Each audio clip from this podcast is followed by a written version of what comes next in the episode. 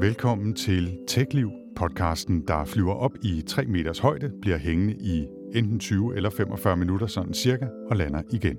I denne her udgave, der ligger vi ud med en nyhedsblok, Surprise Surprise, hvor vi blandt andet skal tale om EU's forslag til regulering af kunstig intelligens.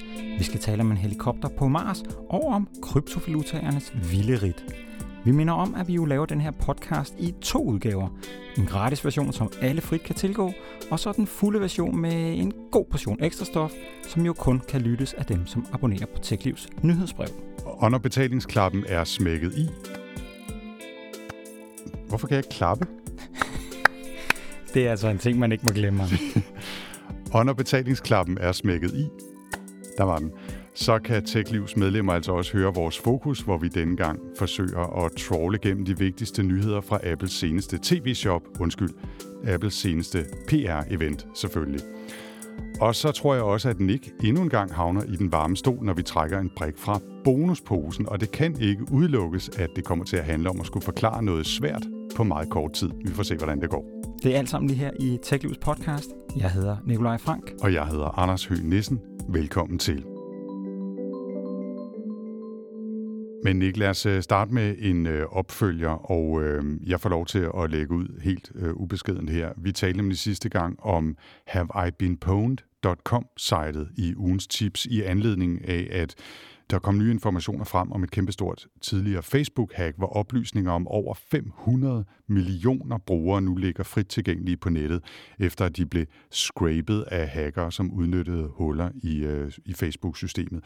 Facebook har jo hævdet, at det ikke er et rigtigt hack, men nærmest bare sådan en utilsigtet bivirkning af deres, øh, deres system og at det derfor heller ikke øh, var nødvendigt at oplyse om situationen til databeskyttelsesmyndigheden i Irland, hvor Facebook i Europa jo officielt holder til. Det irske datatilsyn har så en lidt anden opfattelse af tingene og mener, at der er tale om overtrædelse af en eller måske flere GDPR-regler, og har derfor formelt åbnet en sag mod Facebook, efter at have været i kontakt med dem og åbenbart ikke fået de, øh, de svar, de ønskede at få om, om det her hack. Det kommer vi sikkert til at høre mere til senere. Jeg vil bare lige nævne, at i den her uge, for at det ikke skal være løgn, så har eksperter også vist, at man kan udnytte et aktuelt hul i Facebook til at hente eller skjulte e-mailadresser på brugere med et helt automatiseret værktøj, som kan hente op til 5 millioner adresser om dagen. Et hul, som Facebook faktisk var opmærksom på, men altså ikke lige havde nået at lukke. Ja, vi skal også lige have en anden opfølger, Anders, og vi bliver faktisk i Facebook-universet.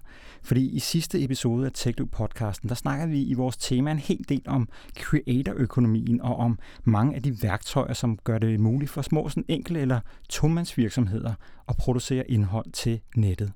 Og sørme om Facebook så ikke i denne her uge løftede sløret for flere nye tiltag, som i særdeleshed har fokus på lyd, men altså også fokus på creators.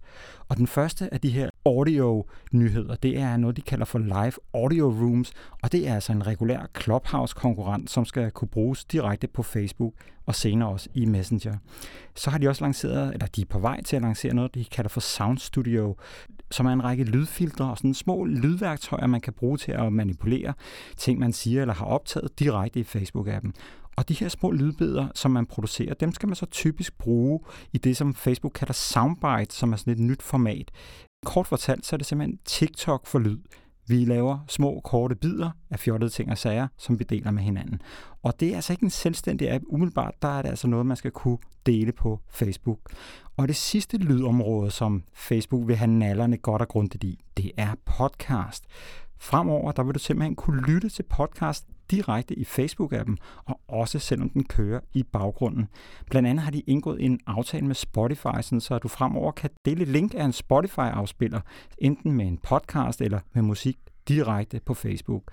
Og så snakkede Mark Zuckerberg i et interview også om muligheden for at tilbyde podcaster og lave abonnementspodcast.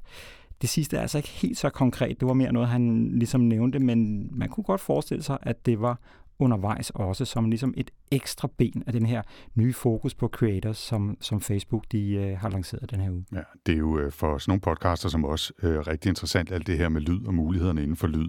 Hvad angår det der, der konkurrerer med Clubhouse og de her sådan lidt mere social audio tjenester, hvor man holder fælles sessions og kan invitere folk ind til direkte samtaler osv., så, videre, så ved jeg ikke, som vi har talt om øh, tidligere, hvor kæmpestort potentialet er der, selvom det stadigvæk er åbent. Det er i hvert fald interessant, at alle blænder sig på det felt. Men lige i forhold til det med podcast, som jo måske ligger mit produktionshjerte øh, nærmere, så er det jo interessant, hvor mange, der begynder at blande sig på det her, og også med mulighed for at lave betaling til podcastproducenterne. Nu vil jeg ikke øh, tease alt for meget her, men det er jo noget, vi kommer til at tale også senere om i vores fokus, fordi Apple nu også er begyndt at blande sig på det. Så det er virkelig øh, et hot emne for tiden, må man sige.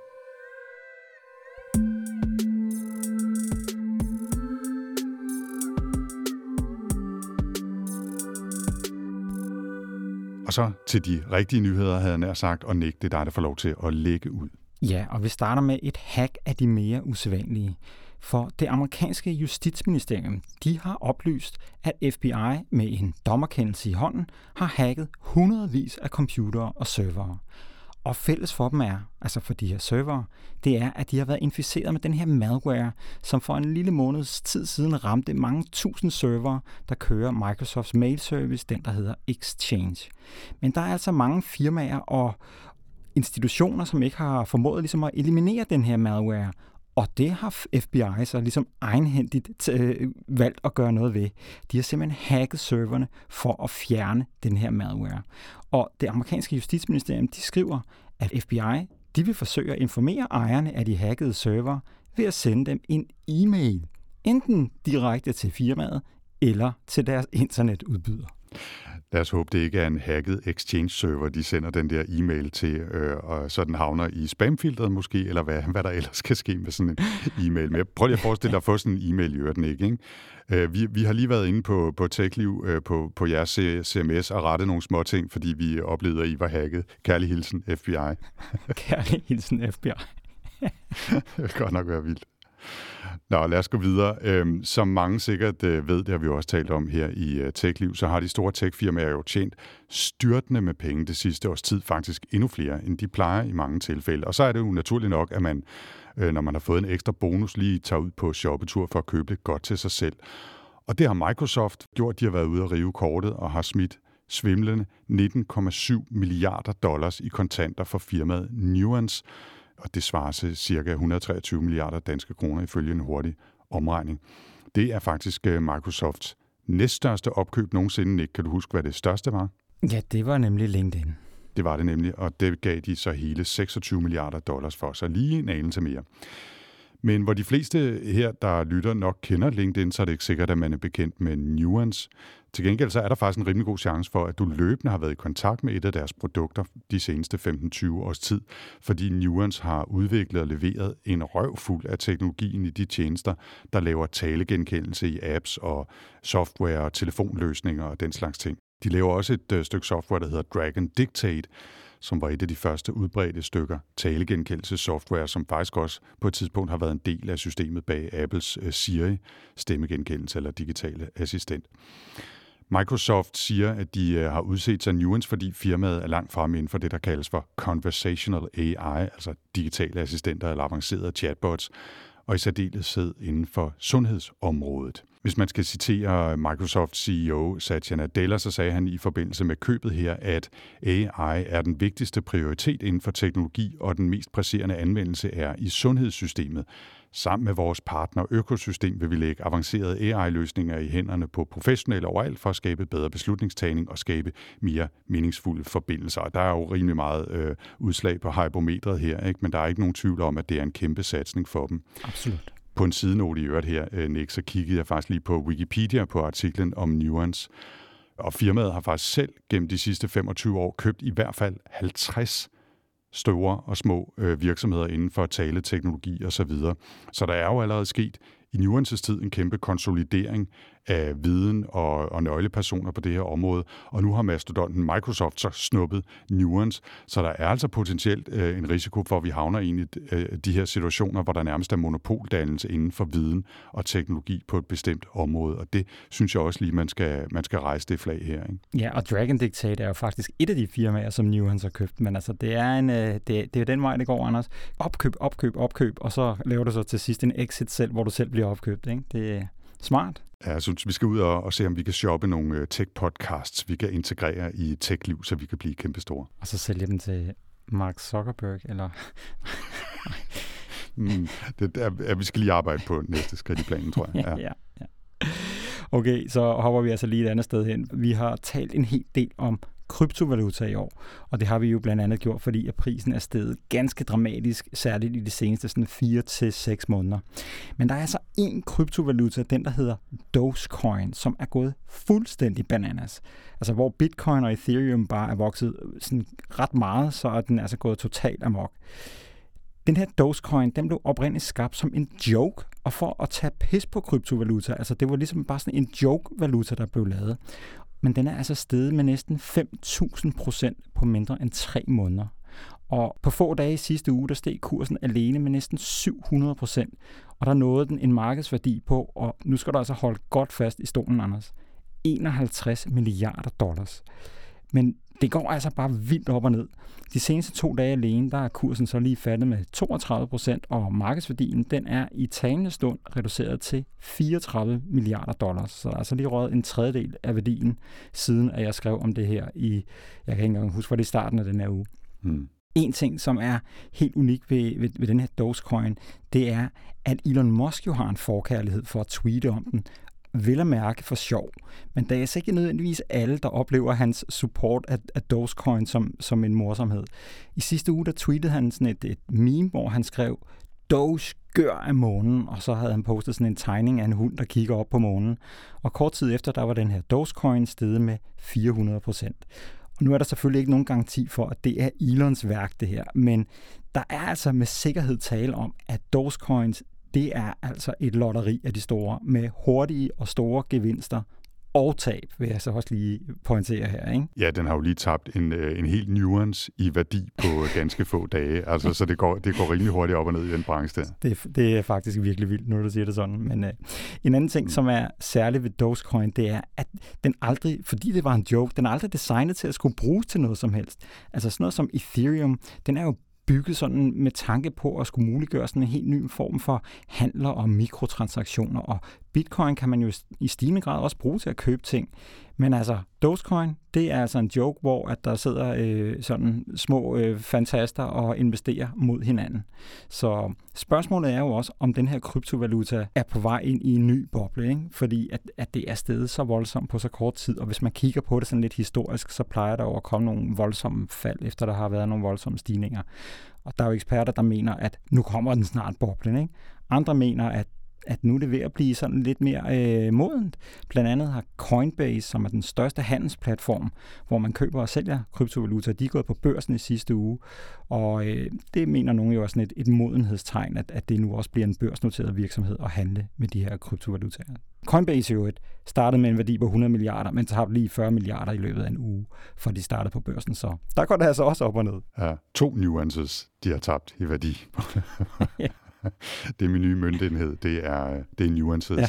Apropos møntenheder i øvrigt, øh, og apropos valuta, øh, så vil jeg lige tilføje, at øh, der igen i den her uge har været nyheder om, at blandt andet Kina og England vil lave det, der hedder en digital valuta, som ikke er det samme som en kryptovaluta som Dogecoin og Ethereum og Bitcoin, som vi lige har snakket om, men en digital udgave af en national møntfod, altså en digital yuan over i Kina, eller digital pund, eller en digital krone for den sags skyld. Og det er altså noget, man eksperimenterer med i Kina og, og også i Bank of England og det engelske finansministerium.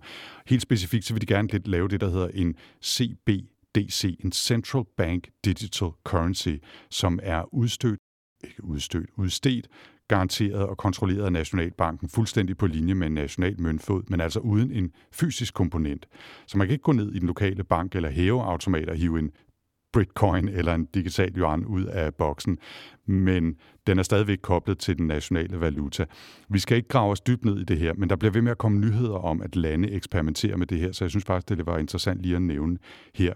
Men det er noget, som der er mange aspekter af. På den ene side, så er det jo noget, der potentielt kan gøre det nemmere at handle og overføre penge direkte fra app til app, uden at man skal forbi en bank, hvis det sker i en, i en officiel valuta. Omvendt, så har der også været spekuleret meget om, at det er noget, man især for eksempel i Kina kunne bruge til at overvåge alle borgers transaktioner, og måske bare sige, at nu gælder dine øh, penge ikke længere i næste måned, så nu skal du ud og bruge dem, hvis man ikke synes, at økonomien kører hurtigt nok, og, og andre sådan øh, mere eller mindre dystopiske scenarier. Så det er virkelig et spændende felt, også det her med mere almindelige digitale valutaer, men men nok også noget, vi bliver nødt til at skubbe til en anden god gang. Ja, og så skal vi måske lige nævne, at i Kina, der er de jo altså i gang med det her. De har lanceret den og, og ruller det bredere og bredere ud. Stadigvæk på et forsøgsstadie, men den er der. Mm. England, de er bare begyndt at overveje, om de skal have en, og har ligesom nedsat sådan en gruppe, der skal kigge på det.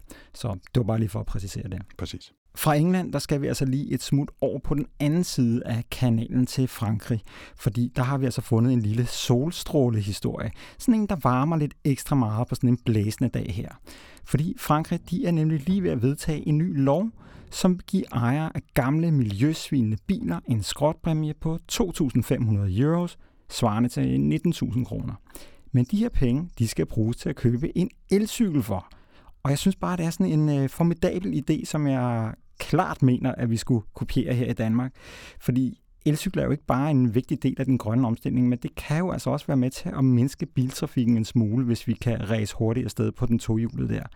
Og jeg skal altså ærligt indrømme, at nu har jeg ikke nogen gammel øh, bil, som jeg kan skrotte, men hvis de nu staten ville give mig 1000 kroner for at skrotte min gamle cykel, så ville jeg altså gerne bruge dem på en elcykel, fordi jeg havde medvind på cykelstien her i, i morges, og det sker jo aldrig nogensinde. Og der fik jeg bare den der følelse inden i, at tænk, hvis jeg havde den medvind hver dag. Det ville da være helt fantastisk. Så jeg skulle ved at være elcykelklar. Ja. Jeg er glad for, at du siger, at du ikke vil skrotte din øh, relativt nye bil for, for øh, 2.500 euro eller 1.000 kroner til en elcykel. Det vil jeg synes bare lidt radikalt. Ja. Nick, øh, fra, fra totalt lavpraktisk hverdag og medvind på cykelstierne, så skal vi lige op i det store øh, politiske gear igen. Vi skal nemlig en tur til EU. Ja, det skal vi, fordi vi skrev allerede i sidste uge på TechLiv om, at EU-kommissionen barslede med et nyt forslag til en lov, der skal sætte nogle klare grænser for brugen af kunstig intelligens i Europa. Dele af forslaget var nemlig blevet lækket her i sidste uge, men onsdag var Margrethe Vestager så klar til officielt at offentliggøre det her lovforslag. Og i korte træk går det ud på at opdele kunstig intelligens i forskellige kategorier, alt efter hvor stor risikoen ved teknologien er, og ud fra det sætte nogle spilleregler op for, hvordan den her kunstig intelligens må bruges. Og de her kategorier, der er fire af dem. Den første, det er en uacceptabel risiko. Så er der høj risiko, begrænset risiko og minimal risiko. Og hvis vi sådan lige hurtigt skal kigge på, hvad det, hvad det betyder, så den her med uacceptabel risiko, det er for eksempel noget som, at myndigheder de lader AI-systemer give borgerne en social karakter, eller EU nævner også legetøj med digitale assistenter, der prøver at få børn til at gøre ting, der er farlige det er, altså også, det, det er en rimelig dårlig gadget, vil jeg have sige, men øh, det er ting, som ikke er acceptable. Så har vi sådan noget som høj risiko. Det kan være sådan noget som førerløse biler eller systemer, der bruges til at fjerne operere folk. Den begrænsede risiko, det er, hvis du kommunikerer med en chatbot, hvor der sådan ikke er særlig stor chance for, at, at der er noget, der er, er sådan særlig problematisk. Og minimal risiko, det er sådan noget som et, øh, en, en algoritme, der sorterer spam i din indbakke. Og sådan lidt efter, hvad for en kategori den her kunstige intelligens falder ind under, så vil der altså være forskellige regler for tilsyn med teknologien. I de mest ekstreme tilfælde, hvis man overtræder de her regler, så kan et firma få en bøde på op til 30 millioner eller 6 procent af det seneste års indtægter. Og det er jo altså rigtig mange penge for nogle af de store firmaer, og det er også i øvrigt lidt mere end, end GDPR-reglerne. Et af de helt store spørgsmål, som ligger ind under det her med kunstig intelligens, det er jo, hvordan man må bruge ansigtsgenkendelse. Og ansigtsgenkendelse er umiddelbart faldet i den her kategori med høj risiko. Så den er altså ikke forbudt, men EU nævner, at det i udgangspunkt ikke vil være tilladt med sådan nogle fjernbiometriske løsninger. Altså, jeg forstår det som, at supermarkedet kan ikke bare sætte et eller andet ansigtsgenkendelsessystem op dernede, uden at jeg ved, at det er der. Men derimod, så kan der stadigvæk godt være mulighed for, at politiet kan bruge den her teknologi og der er i hvert fald en øh, gut, der hedder Daniel Løjfer, som er policy analyst hos en digital rettighedsgruppe, der hedder Access Now. Han mener, at der er nogle store smuthuller i det her lovforslag, blandt andet i forhold til ansigtsgenkendelse. Så er der selvfølgelig nogle andre grupper, som mener, at det er alt for restriktivt, og at de nye regler vil få Europa til ligesom at sakke agter ud i forhold til USA og Kina. Udover det her regelsæt, så vil EU også nedsætte et European Artificial Intelligence Board, som ligesom skal udvikle de nærmere retningslinjer. Anders, hvad siger du til det her? Er det, er det en god idé, at EU tager føretrøjen her og ligesom siger, at vi skal styre på det kunstig intelligens, og nu deler vi det op i nogle kategorier? Som udgangspunkt synes jeg, det er en rigtig god idé, at øh, EU udvikler og tager en holdning til det her og forsøger at regulere et felt, der, øh, der kan have kæmpe stor indflydelse på vores øh, hverdag på, øh, på både store og små niveauer, og, øh, og det synes jeg sådan set er en, er en god idé. Og i udgangspunktet kan jeg faktisk også godt lide, at man laver den her inddeling med forskellige risikoniveauer, så man ikke bare behandler alle algoritmer eller avancerede algoritmer eller versioner af kunstig intelligens på samme måde. Der kan jo hurtigt komme noget udfordring her, jo mere konkret man forsøger at blive i beskrivelsen af, hvad der ligger i de her kategorier.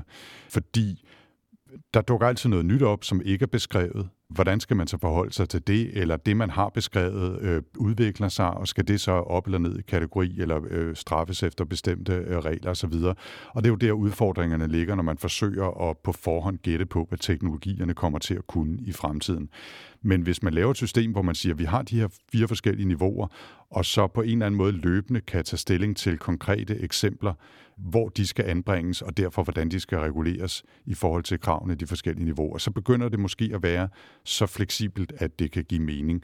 Men altså, jeg er jo hverken øh, jurist eller lovgiver eller administrator, eller for den sags skyld programmør, så der kan sagtens være en masse udfordringer i det her, som, som jeg ikke lige har spottet, men jeg synes ikke, det er den værste idé i verden at, at forsøge at gøre det på den her måde. Jeg er meget enig. Jeg, jeg, synes, at det er, jeg synes faktisk, at det er rigtig positivt, at, at EU er proaktiv her. Fordi at kunstig intelligens, ja, det er derude, men vi er stadigvæk i den spæde start. Ikke? Så i stedet for ligesom bare at lade det køre sporet, at man med det samme prøver at sætte nogle retningslinjer efter det, som måske også kan få udviklere til at tænke lidt mere over, hvordan de udvikler de her ting. Altså fordi de ved, at de, at de skal stå på mål for det i, i forhold til en lovgivning i Europa i hvert fald. Mm. Så øh, jeg synes faktisk, at øh, jeg vil faktisk gerne give en ret stor thumbs up for ideen i det. Jeg er helt enig i, at det kommer til at blive lettere kaotisk at skulle prøve at kategorisere alt det her, og hvordan gør man. Men sådan er det jo med lovgivning. Lovgivning er jo kompliceret, men jeg kan faktisk godt lide tanken om, at man prøver at, at, ligesom at, at tage, tage hånd om det med det samme, inden at det er kørt helt af spor. Mm. Vi slutter de korte nyheder langt, langt væk fra vores egen planet, nærmere bestemt på Mars, hvor der jo efterhånden nærmest er trafikprop med alle de rover og fartøjer, der er på planeten eller rundt om planeten. Til gengæld så har Mars nu fået sin egen lille trafikhelikopter til at overvåge myldretiden, nemlig den lille bitte droneagtige Ingenuity, der efter en nervepirrende testperiode her forleden endelig tog sin første flyvetur på den røde planet. Og nu siger jeg flyvetur, men i praksis så var der tale om, at Ingenuity tændte rotorerne, fløj direkte op i luften i 3 meters højde og landede igen efter hele 40 sekunder. Måske ikke voldsomt imponerende, men ikke desto mindre første gang, vi har foretaget en flyvning på en anden planet. Og udover det selvfølgelig er super spændende sådan i, i nørdesammenhæng, så er der også en konkret grund til, at det er relevant i en tech sammenhæng, fordi Ingenuity i sidste uge skulle igennem lidt af en forskrækkelse, hvor den lille helikopters flyvning blev udsat på grund af en softwarefejl i det program, som kontrollerer rotorens hastighed, som simpelthen ikke kunne køre hurtigt nok. Den fejl blev så heldigvis fundet ved en test i sidste uge. Der var en hel uge med test op til den planlagte flyvning, og ikke under selve flyvningen. Det kunne så være, at den pludselig var skvattet ned.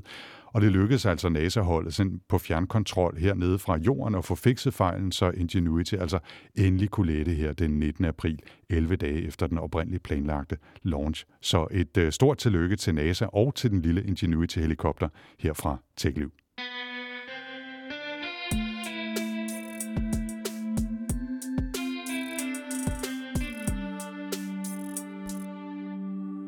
Nå, Nick, så er det blevet tid til bonusposen, og øh, det er faktisk endnu en gang dig, der skal sidde i den varme stol og trække en brik. Øh, du klarede dig jo fornemt sidste gang i den store quiz om europæiske startups. Så godt faktisk, at jeg synes, du skulle have en udfordring mere, eller hvad der nu dukker op af posen. Det er i hvert fald dig, der skal trække en brik, så værsgo. Jamen lige inden jeg trækker, så er det, er det ved at blive sådan en ting, hvis man gør det rigtig godt, så får man lov til at trække igen ugen efter. Jeg, jeg ved det ikke, men øh, det kunne da være et forslag. Jeg presser dig indtil du knækker. Det er det, der, det, er det, det handler om her. Ja. Okay. Jeg knækker ikke i dag, det lover jeg dig for. Okay. Men nu trækker jeg altså i posen.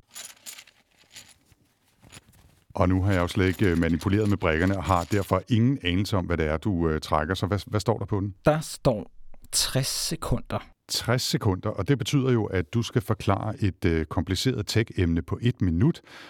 Og denne her gang, der vil jeg gerne bede dig om at forklare begrebet flock, som meget overordnet handler om, at Google har lavet en slags alternativ til cookie tracking, de er ved at rulle ud, men ikke til alles tilfredsstillelse. Men hvad er det her flok egentlig for noget? Nick, det skal du faktisk øh, ifølge den her udfordring forklare os på 60 sekunder.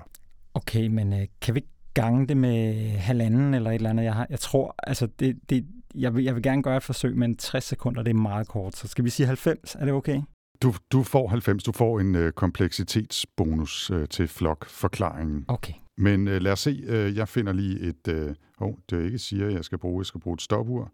Er du klar, Nick? Jeg er klar. Dine 90 sekunder begynder nu. Google vil fra næste år afskaffe tredjeparts cookies i deres Chrome-browser.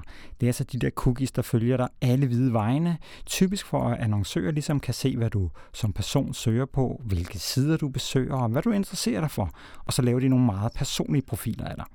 Men i stedet for det, der vil Google bruge en teknologi, der kaldes FLOG, som er en forkortelse for Federated Learning of Cohorts. Og man kan måske bedst oversætte det til en, sådan en slags samlet læring af grupper. Med Flock, der vil Google behandle din webhistorik lokalt på din computer.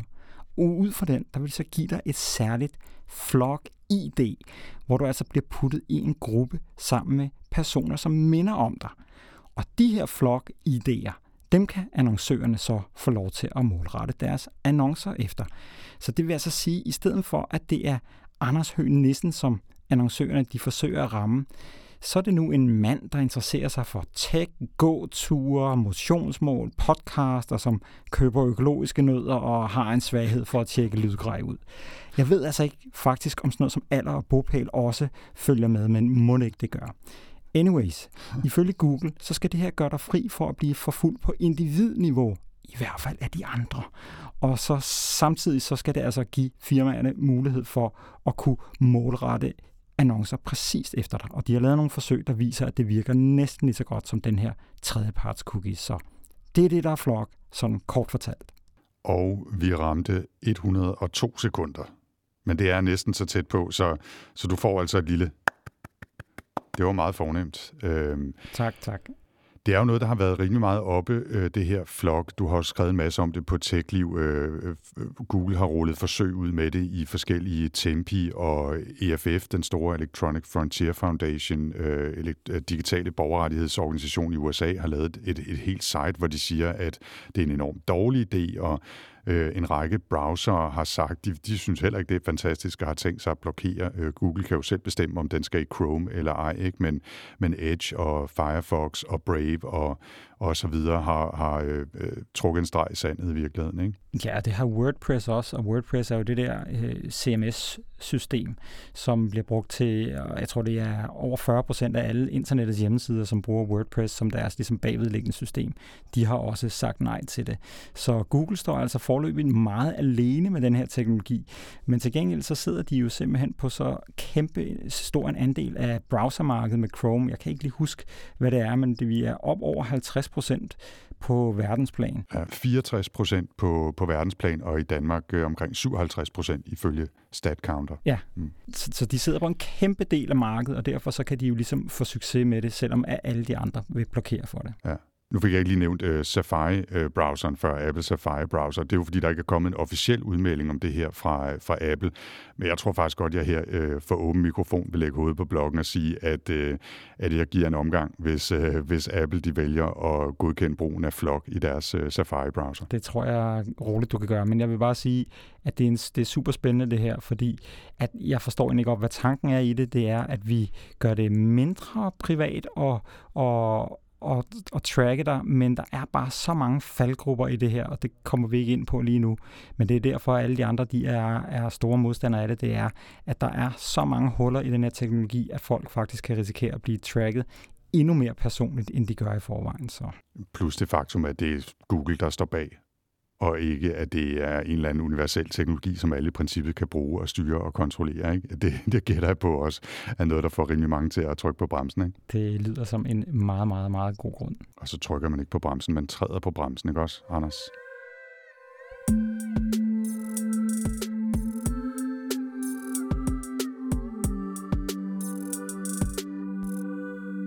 Så er vi nået til ugens tema, og det skal handle om tirsdagens Apple-event. Ja, det er jo det, vi øh, lidt for sjov herinde har kaldt for Apple TV Shop Plus.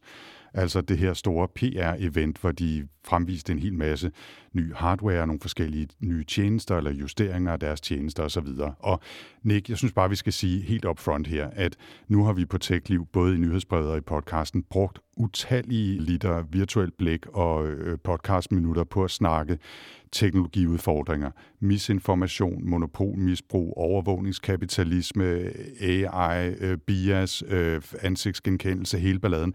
Vi har været der, og vi er altså, synes vi selv, relativt nuanceret i vores forhold til øh, alle de måder, teknologien kan misbruges på. Men vi er altså også, sagt i åbenhedens navn, nørder med en øh, fascination af nye dimser og nye apparater og, og ny hardware. Og det er altså de nørder, der nok øh, sidder i førersædet det næste stykke tid. Så har vi, så har vi meldt rent ud og tonet klart flag. Skal vi ikke bare sige det? Det synes jeg. Så det vi gør i den her omgang, det er altså, at vi kigger på Apples seneste TV Shop Plus event, og det handler i overskrifter om nye iMacs, det handler om nye versioner af deres iPad Pro, det handler om AirTags og hvad det er, det handler om noget så eksotisk som en ny fjernbetjening til Apple TV, om øh, nye podcast-abonnementer, og så også lidt om noget ny software eller nye versioner af styresystemet, der er lige på trapperne. Men lad os, øh, lad os simpelthen bare gå totalt nørd i den med hardware, og lad os begynde med den nye iMac, Nick, som du har kigget nærmere på. Ja, fordi den her nye iMac, det er, det er det første nye design i næsten ni år. Og det er altså ret lang tid, når jeg lige sådan øh, kigger på, hvordan computer normalt udvikler sig, at man har det fuldstændig samme design. Den nye øh, version her, den er 24 tommer, den skærm, og der fandtes tidligere en 21 og en 27 tommer, og nu er der altså kun en ny en her, der er 24 tommer. Den er naturligvis tyndere end den gamle, og sådan er det jo med sådan noget. Den bliver mindre i, i, i sit footprint på dit skrivebord. Ikke? Det, der er det særlige ved den nye iMac, det er, at det er den første iMac, der kommer med den her Apple-produceret M1-chip. Altså det er den første, der ikke har en Intel-processor inden i sig. Og dermed så går den jo ligesom i fodsporene på MacBook Air og MacBook Pro, som var de første computere, der lavede det her skift fra Intel over til Apples egen processor. Og Mac Mini. Og Mac Mini, ja, det er rigtigt. Den her nye Mac, den har ligesom sådan en øh, reference tilbage til den originale iMac, som jeg tror, det var Johnny Ives første øh, Apple-design, som var den her plastik iMac i, i nogle virkelig øh, sådan varme øh, farver, hvis man kan kalde dem det. Øhm, og, og den nye iMac, den kommer så i syv forskellige farver. Og ingen af de farver er sort, Anders. Og nu ved jeg jo, at du er en øh, person, som kun kan lide én farve til alt, og det er sort. Hvordan har du det med for eksempel at skulle have en orange eller måske en lilla computer? Altså lilla i hvert fald, det er fuldstændig udelukket. Øh, jeg, jeg kommer sikkert til at træde en masse mennesker over tæerne, men lilla er simpelthen en hadefarve for mig. Til gengæld elsker jeg jo alt, hvad der er sort. Og øh, det er måske meget godt, at ingen af de nye iMacs her er sort, fordi jeg vil meget gerne vente til den næste version. Det kan vi eventuelt vende tilbage til senere. Så et eller andet sted synes jeg, det er fint, at de prøver det af, og mange mennesker er meget glade for det. But it's not for me, som man siger. Så, øh, så jeg, jeg holder altså læderet i lommen indtil videre. Ja. Hvis vi lige skal gå lidt, lidt videre ned i, hvad der er nyt ved den her computer, så er det jo det er nogle, øh, hvad skal man sige, nogle små opgraderinger ud over det med den nye chip her. Og det er, at øh, keyboardet kan fås med Touch ID. Skærmen har fået den her True Tone teknologi, som er det, som iPad og iPhone har, der gør, at den kan tilpasse sig det lys, der er i rummet. Så har den et forbedret webkamera, så man kan holde videomøder, hvor folk faktisk kan se, hvem man er. Og, og det er jo altså trods alt en fordel, fordi der er nogle virkelig ringe webcams i de, i de fleste Mac-computere og i det hele taget i mange computere.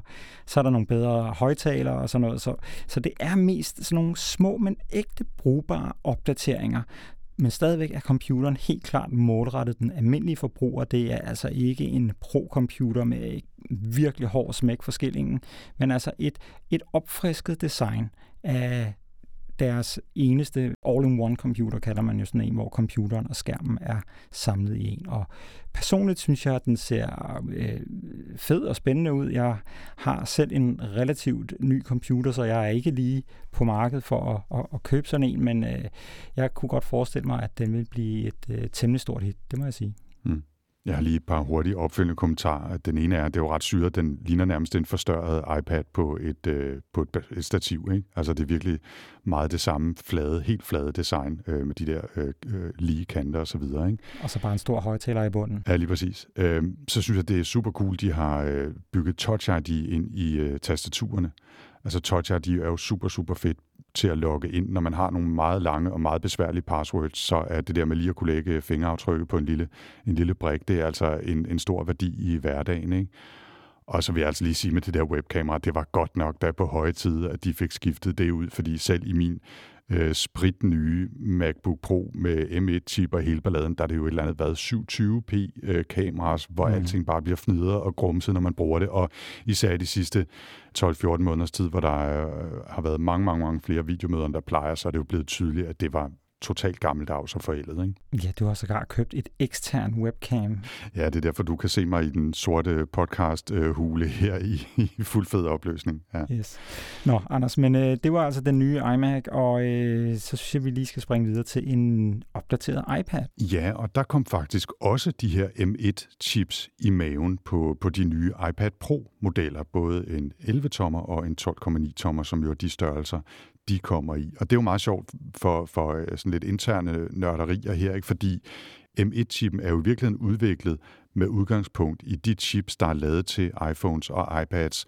De kom så over i Mac'en og fik øh, navnet M1, og nu er der så kommet en M1-chip i de nye iPad Pro'er, så nu er cirklen ligesom fuldendt på en eller anden måde. Ikke? Men et eller andet sted er det også i større perspektiv interessant, fordi det betyder faktisk, at en ny iPad nærmest er en Mac-computer, bare uden tastatur og som et andet styresystem.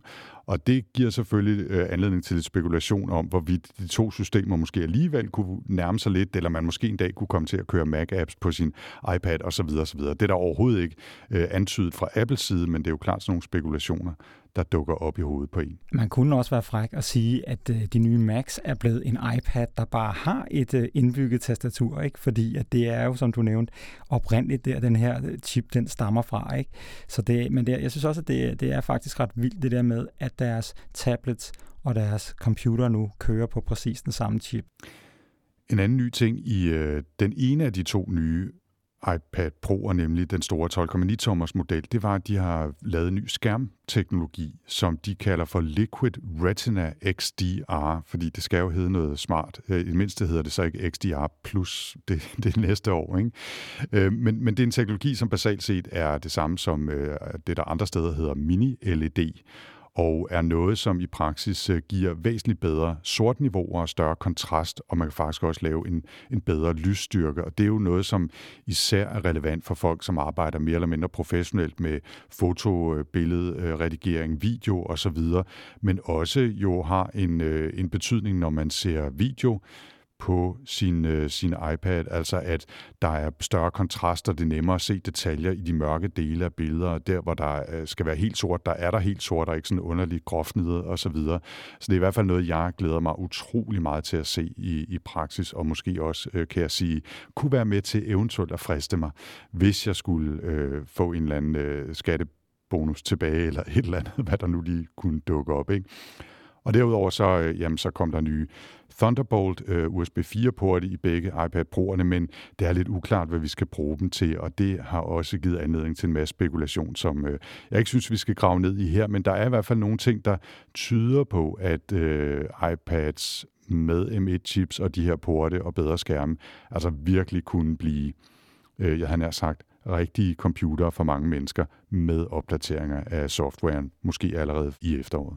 Men jeg vil bare lige sige, hvis vi lige kigger på iPad i forhold til iMac, at, at det her, iPad'en er jo en, hvad skal man sige, ja, den har fået en ny chip, men det er lidt mere den der klassiske øh, lille step op af den nye version, hvor at iMac'en er et totalt redesign. Altså jeg tror, at mange folk, som bruger en iPad til sådan de der helt almindelige ting, som at, at se Netflix og DR og til at surfe lidt og kigge på deres billeder og sådan noget, de vil slet ikke opleve den power, der er i sådan en, i, i, i sådan en iPad Pro her. De vil være fuldstændig lige så fint tjent med en, som er et skridt længere ned. Til gengæld tror jeg, der er mange, der måske skifter en 4 eller 5 år gammel øh, øh, computer ud med, en, med sådan en ny iMac, der vil opleve en, en væsentlig forbedring i deres hverdag. Det var bare for lige at, at, at skænde mellem de der to forskellige typer opdateringer der. Helt enig. Men Nick, øh, en af de øh, på samme tid øh, længe ventede og øh, øh overraskende nyheder, der kom ud af Apple TV Shop Plus her forleden, det var de her nye AirTags. Og hvad er det lige der for noget? Ja, dem har vi jo haft et vedemål om i en øh, ældre podcast, kan jeg huske, hvor jeg tabte med et brag, fordi at jeg forudså jo, at de her AirTags ville komme på markedet for noget, der minder om halvanden år siden. Men øh, nu er de her altså endelig de her små Bluetooth LE U1-brækker. Det de kan, det er jo, at du kan sætte dem i din taske, eller lægge dem i din brilleetui, eller hænge dem på dine nøgler. Og når du så ikke kan finde dine ting, så hiver du lige iPhone frem, og så siger du, jeg kan ikke finde mine nøgler, og så trykker du på en knap, og så viser din iPhone, hvis du har en iPhone med en U1-chip i, det vil sige en iPhone 11 eller nyere, så vil den vise dig vej hen til hvor dine nøgler befinder sig, og samtidig vil den her lille brik begynde at spille en lyd, så du også kan høre den. Så det er ligesom det, der er konceptet, det er, at vi skal kunne finde de ting, som vi ellers har svært ved at finde. Ja, så det er nemt at finde dem, hvis man øh, har forlagt dem et eller andet sted i huset, eller på sin arbejdsplads, eller hvem man er ved at gå ud af butikken uden sin taske. Men hvad så, hvis de sådan for alvor er væk, og man ikke lige kan finde dem med sin telefon? Hvad gør man så?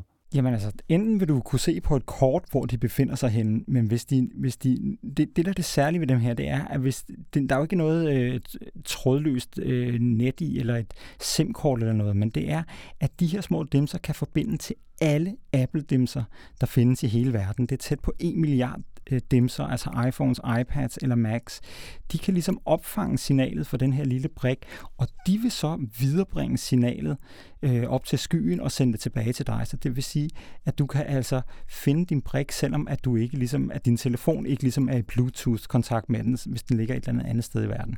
Så det er ligesom sådan et mesh-netværk, de har lavet ud af alle Apple-dimser i, i fællesskab, og det er ligesom det, der er, der er det smarte ved det her, hvis man kan sige det på den måde. Og en, og en øh, ekstra ting er også, hvis man simpelthen siger, nu har jeg mistet den her tag, som sidder i min taske eller et eller andet, så kan Android-brugere faktisk også via øh, NFC slå data op om den her tag, øh, hvis de har fundet øh, din taske et eller andet sted. Ikke sådan, at de kan se, nå, der bor Nick og, og, og så videre, men du kan lægge kontaktoplysninger ind, så hvis der er nogen, der har fundet din taske med din tag i, også selvom de har en Android-telefon, så kan de se, hvordan de kan kontakte dig, så I kan kommunikere, så du eventuelt kan få din taske tilbage. Den mulighed er der altså også, hvis man melder en ting som, øh, som tabt eller mistet.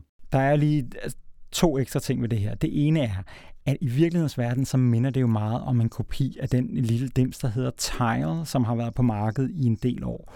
Og de er bestemt ikke glade for, at Apple nu har lavet det her. De har allerede været ude og råbe, at det er konkurrenceforvridning, og de vil have politikerne til at, at sætte en stopper for det. Den anden ting, som jeg lige synes er væsentligt at nævne, det er det der med øh, nogle af de privatlivsudfordringer, der er. Fordi selvom at dimsen er end-to-end krypteret, den har ikke nogen oplysninger om der andet end de kontaktoplysninger, du selv har lagt ind, sådan så folk kan kontakte dig, hvis de har fundet den, så er der jo altså det element af, at man jo kan placere de her brækker rundt omkring hos andre mennesker, som jeg skrev på TechLiv. Jeg kunne sagtens forestille mig forældre, der vil putte sådan en, øh, en lille AirTag ned i deres barns taske, eller øh, jeg har nævnt også jaloux ægte folk, som måske kunne finde på at proppe sådan en øh, sytten ind i jakken, eller et eller andet, for at se, hvor deres øh, bedre halvdel befinder sig henne. Men øh, Apple siger, at de har lavet sådan en funktion, så at man kan, blive, man kan få en notifikation på sin telefon, hvis man går rundt meget tæt på sådan en AirTag, som man ikke selv er ejer af, så kan man ligesom få en notifikation om, at du bærer måske rundt på noget, der ikke tilhører dig. Men altså stadigvæk, jeg kan klart se, at der kan være nogle privatlivsudfordringer, også med de her små sladderbrikker. Ja, det bliver interessant øh, at se, hvordan de bliver brugt og misbrugt, når de kommer ud. Ja, i virkelighedens verden er det jo et fuldstændig overflødigt produkt. Men, men jeg synes også, at der er et eller andet interessant i det der, fordi det er sådan en, en øh, fysisk gørelse af, af hele den der idé om, at alt bliver forbundet i vores verden over de næste 10-15 år. Og, og det er jo det, der sker nu, at pludselig bliver dine nøgler og dine tasker, alting forbundet til, til, til skyen. Bare lige en, en lille bonustilføjelse på den der. De her brækker, det er jo sådan nogle helt flade, runde nogen uden øh, huller i, og så kan man så få graveret et eller andet ikon eller emoji eller en lille tekst ind i. Ikke? Men det betyder også, at hvis man skal bruge den som nøglering, skal den jo sidde fast i noget. Og øh, der har Apple jo så samtidig lanceret en hel række af forskellige øh, accessory accessories, må det jo så næsten være, ikke? Altså, så man kan sætte den fast i en nøglering, eller have den hængende om, om, om et eller andet af halsen, skulle jeg til at sige. Jeg ved ikke, hvor, hvor relevant det vil være, ikke?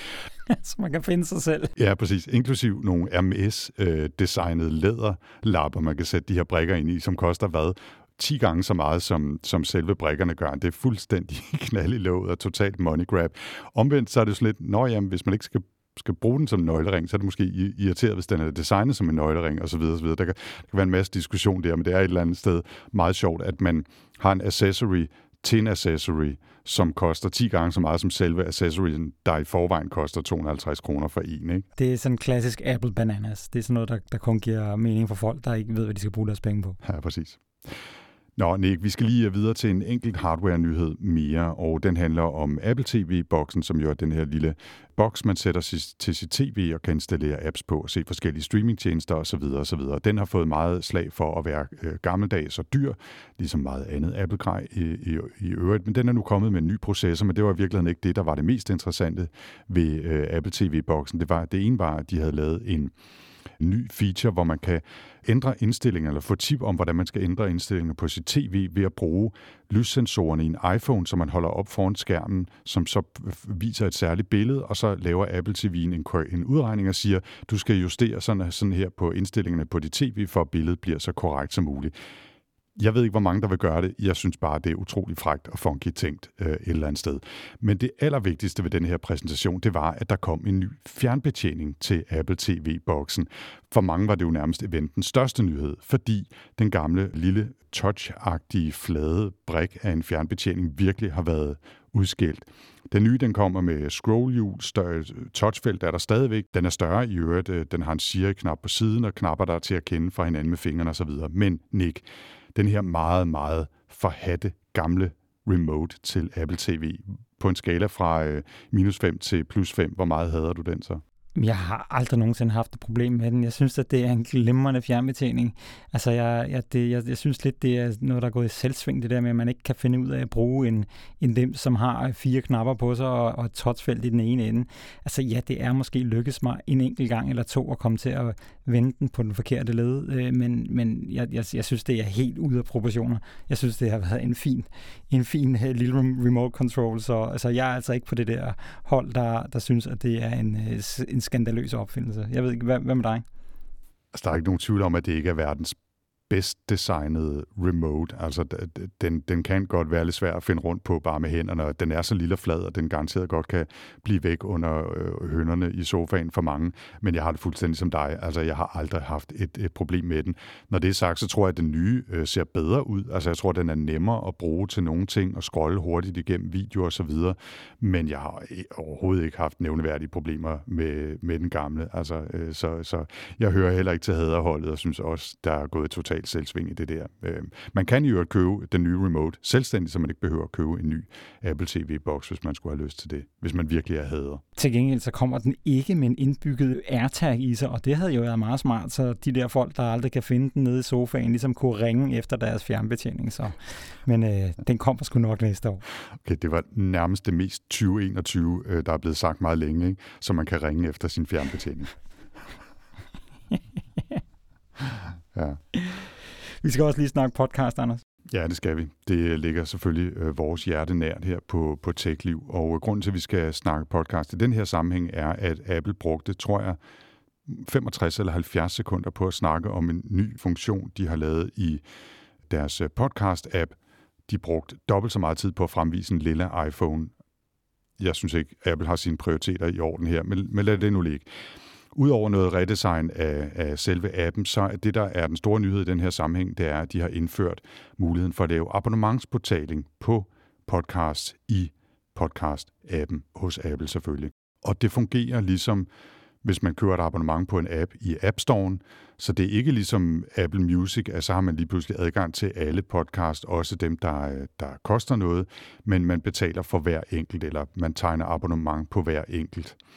Hvis vi nu for eksempel skulle lægge TechLiv ind i, i Apple Podcast og give øh, brugerne mulighed eller lytterne mulighed for at betale abonnement, så skulle vi betale 20 dollars for at kunne gøre det i øvrigt, men så vil vi få 70 procent af indtjeningen, og Apple vil tage 30. Og hvis der så er nogen, der har været abonnenter i over et år, så skifter det til 85 og 15, altså så vi vil få en større del af kagen. De skal minimum koste 49 cent per måned. Jeg har ikke lige tjekket, hvordan øh, den pris ser ud i Danmark, men må ikke det er noget med 6, 5, 5 kroner eller noget af den stil. En interessant feature er, at man faktisk også kan lave øh, pakker af podcasts, som man så kan abonnere på med, med et, et klik eller en betaling som bruger. Så hvis vi havde fire forskellige podcast i et eller andet podcast-netværk, kunne vi gøre det, eller vi kunne slå os sammen med fire andre tech-podcast i Danmark og ligesom sige, øh, at lytterne kunne abonnere på os og de tre andre med, med en betaling. Og det er jo interessant det her, fordi øh, Apple virkelig har, har hængt med at udvikle deres øh, podcastløsning på godt og ondt. Men her på det seneste, så er, ja, nu hørte vi lige, at Facebook er begyndt at blande sig, ellers så er Spotify jo øh, dem, der virkelig, virkelig har rykket i forhold til at lave øh, nye podcastløsninger på forskellige måder, også nye betalingsløsninger. Så interessant, at Apple gør noget her, men absolut ikke en løsning, der er uden problemer. Nej, der er nemlig en hel del øh, problemer, der er medfødt her. Det ene er, at umiddelbart, så kan man kun lytte på de her betalingspodcast i Apple Podcast-appen. Det vil sige, hvis du nu er en glad bruger af Overcast, eller af Google Podcast, eller Podcast Addict, eller Pocketcast, et eller andet, så kan du simpelthen ikke lytte til den her betalingspodcast. Så på den måde, så er det altså kun for dem, der lytter i Apple Podcast, eller også så skal de bruge den app til at lytte det. Det andet er, at det betyder, at ingen Android-brugere umiddelbart kan lytte til de her podcast, fordi at Apple har jo i hvert fald ikke indtil videre lavet en podcast-app til Android. Derudover så synes jeg også, at man med rette kan stille spørgsmålstegn ved det rimelige i, at de har tænkt sig at tage 30 procent for den her fornøjelse. Jeg synes, at det er et voldsomt stort cut, det er jo ikke anderledes end dem, som laver apps, men det virker bare enormt voldsomt, når man lige tager i betragtning af, hvor, store, hvor stort markedet er for podcast. Ikke? Altså, der er jo mange, mange, mange podcasts derude, som ikke har specielt mange lyttere, og derfor så er det altså en, en øh, meget stor andel. Det er det jo også, hvis man har mange lyttere. Det er bare en stor andel. Jeg ved ikke, hvad du tænker om det, Anders. Nu så jeg, øh, jeg tror, det var Ben Thompson og øh, John Gruber, der har nogle betalingspodcasts, der har lavet en udregning, der sagde, at de lægger i forskellige afgifter til betalingstjenester og øh, transaktionsgebyr og så videre. Noget, der lignede 10-12 procent eller sådan noget den stil af de penge, de tjener. Så, så der er jo ikke voldsomt lagt op, lagt op til de 15 procent, som Apple vil tage efter et år. Så havde det været 15 procent, så havde jeg sagt, så er det okay. Altså fordi man vil sikkert også få nogle flere kunder igennem Apple Podcast, end man måske kunne lokke til at betale, hvis folk skal igennem og signe op i forskellige andre sites og betalingstjenester. De skal selv huske at opdatere deres betalingskort, og hvad har vi ikke? Men 30 procent, det synes jeg altså også er for meget. Det er det måske også generelt i App Store. Det er en, en diskussion til en anden god gang. Men jeg synes også, det er vigtigt at påpege her, at for sådan nogle podcast-skabere som os, så øh, kan det også lidt være en udfordring, at vi ikke har kontakt til vores kunder. Altså den kontakt, der sker til folk, der abonnerer på vores podcast, skulle vi finde på at lægge den i, ind hos Apple det er en kontakt, som Apple har. Altså, de mennesker, der abonnerer, det er Apples kunder, det er ikke vores. Så vi kan ikke tage dem med nemt et andet sted hen, hvis vi skulle vælge at skifte platform. Vi har ikke nogen kontakt til dem. Vi ved ikke, hvem de er. Det er Apple, der ved, hvem de er. Og det er ikke, fordi vi har lyst til at vide en hel masse om vores øh, brugere, men det er da rart at kunne kommunikere med dem en gang imellem, hvis vi vil tilbyde dem noget nyt øh, og så videre. Og at det er os, der gør det, i stedet for det er Apple, der gør det. Og det synes jeg altså også lidt er en, en potentiel udfordring her sammen med de andre. Jeg synes, at det er fedt, at der er blevet taget hul på det, fordi det har været et, et gigantisk hul i markedet. Vi, har jo, vi er jo meget, meget tidligt på den med det der med at, at, at levere TechLiv som en betalingspodcast, og har jo selv også øh, gået igennem alle mulige sjove løsninger for overhovedet at kunne tilbyde den øh, eksklusive premium podcast, du sidder og lytter til nu. Men øh, jeg tror godt, at vi kan sige, at det kommer vi til at blive ved med at gøre på vores egen måde, fordi det er en hel del, en hel del øh, billigere for os, og at det giver folk mulighed for at lytte til TechLiv i den app, som de har lyst til at, at lytte i. Jeg synes, vi skal slutte ikke med øh, bare lige kort og se frem mod næste uge i talende stund, hvor vi får de nyeste versioner af styresystemerne til stort set alt øh, Apple-gradet, øh, som skal følge kølvandet på det her nye øh, hardware. Og der er jo især to ting, der står ud. Det ene er, at de indfører app tracking transparency, så man kan se og skal godkende, at hvis apps vil tracke en på andre platforme eller andre steder ind i appen. Og så skal det også være muligt for folk, som har et Apple Watch, at bruge det til at låse deres telefon op, selvom de har maske på, så man ikke kan bruge Face ID. Og derudover er der selvfølgelig en, en hel masse andre øh, store og små øh, forbedringer og justeringer, men det har ligesom været, været de to features, der har stået lidt ud øh, i 14.5 bliver det så på iOS og iPadOS. Ikke? Og som øh, beta-bruger af, af, af det her Apple-styresystem, jeg har kørt den her 14.5 beta i meget lang tid, vil jeg bare sige, det er super fedt at kunne låse sin telefon op i supermarkedet øh, bare fordi uret gør det, når man har, har maske på der. Det andet med App Tracking Transparency, der er faktisk en mulighed for, i stedet for at hver eneste app kommer op og spørger dig, Facebook kommer op og spørger, må vi track dig i alle mulige andre apps og på tværs af nettet, og du siger nej tak til det, så kan man faktisk slå det helt fra inde i indstillinger, sådan så at appsene ikke engang må spørge dig, hvor du bare blankt siger, nej, I skal ikke track mig på tværs af noget som helst. Så det vil jeg da anbefale alle folk at slå til. Og så tror jeg også, at vi skal sætte en stopper for den her omgang øh, Apple-ballade. Øh, jeg håber, I holdt ud så længe. Anders, vi skulle her til sidst lige have sluttet med sådan ugens tip, som i den her uge faktisk skulle have været ugens test. Men vi har simpelthen snakket så lang tid allerede, så jeg synes, at vi gemmer den til næste gang. Det synes jeg er en rigtig god idé. Og med det er vi nået slutningen altså af denne udgave af TechLiv-podcasten. Skriv endelig til os, hvis du har kommentarer eller spørgsmål, enten på Twitter eller ved at trykke reply på et af de nyhedsbreve, som vi sender til dig. Og husk også, at du meget gerne må sprede ordet til dine tekniske venner, men også gerne til nogen, som slet ikke ligner dig, men som måske kunne have godt brug for en lille skud tech Ja, del, del, del. Vi takker på forhånd. Tilbage er der bare at sige, at TechLiv podcasten vender tilbage igen om 14 dage, lige her i din afspiller. Jeg hedder Nikolaj Frank. Og jeg hedder Anders Høgh Nissen. Vi høres ved. Tak for denne gang.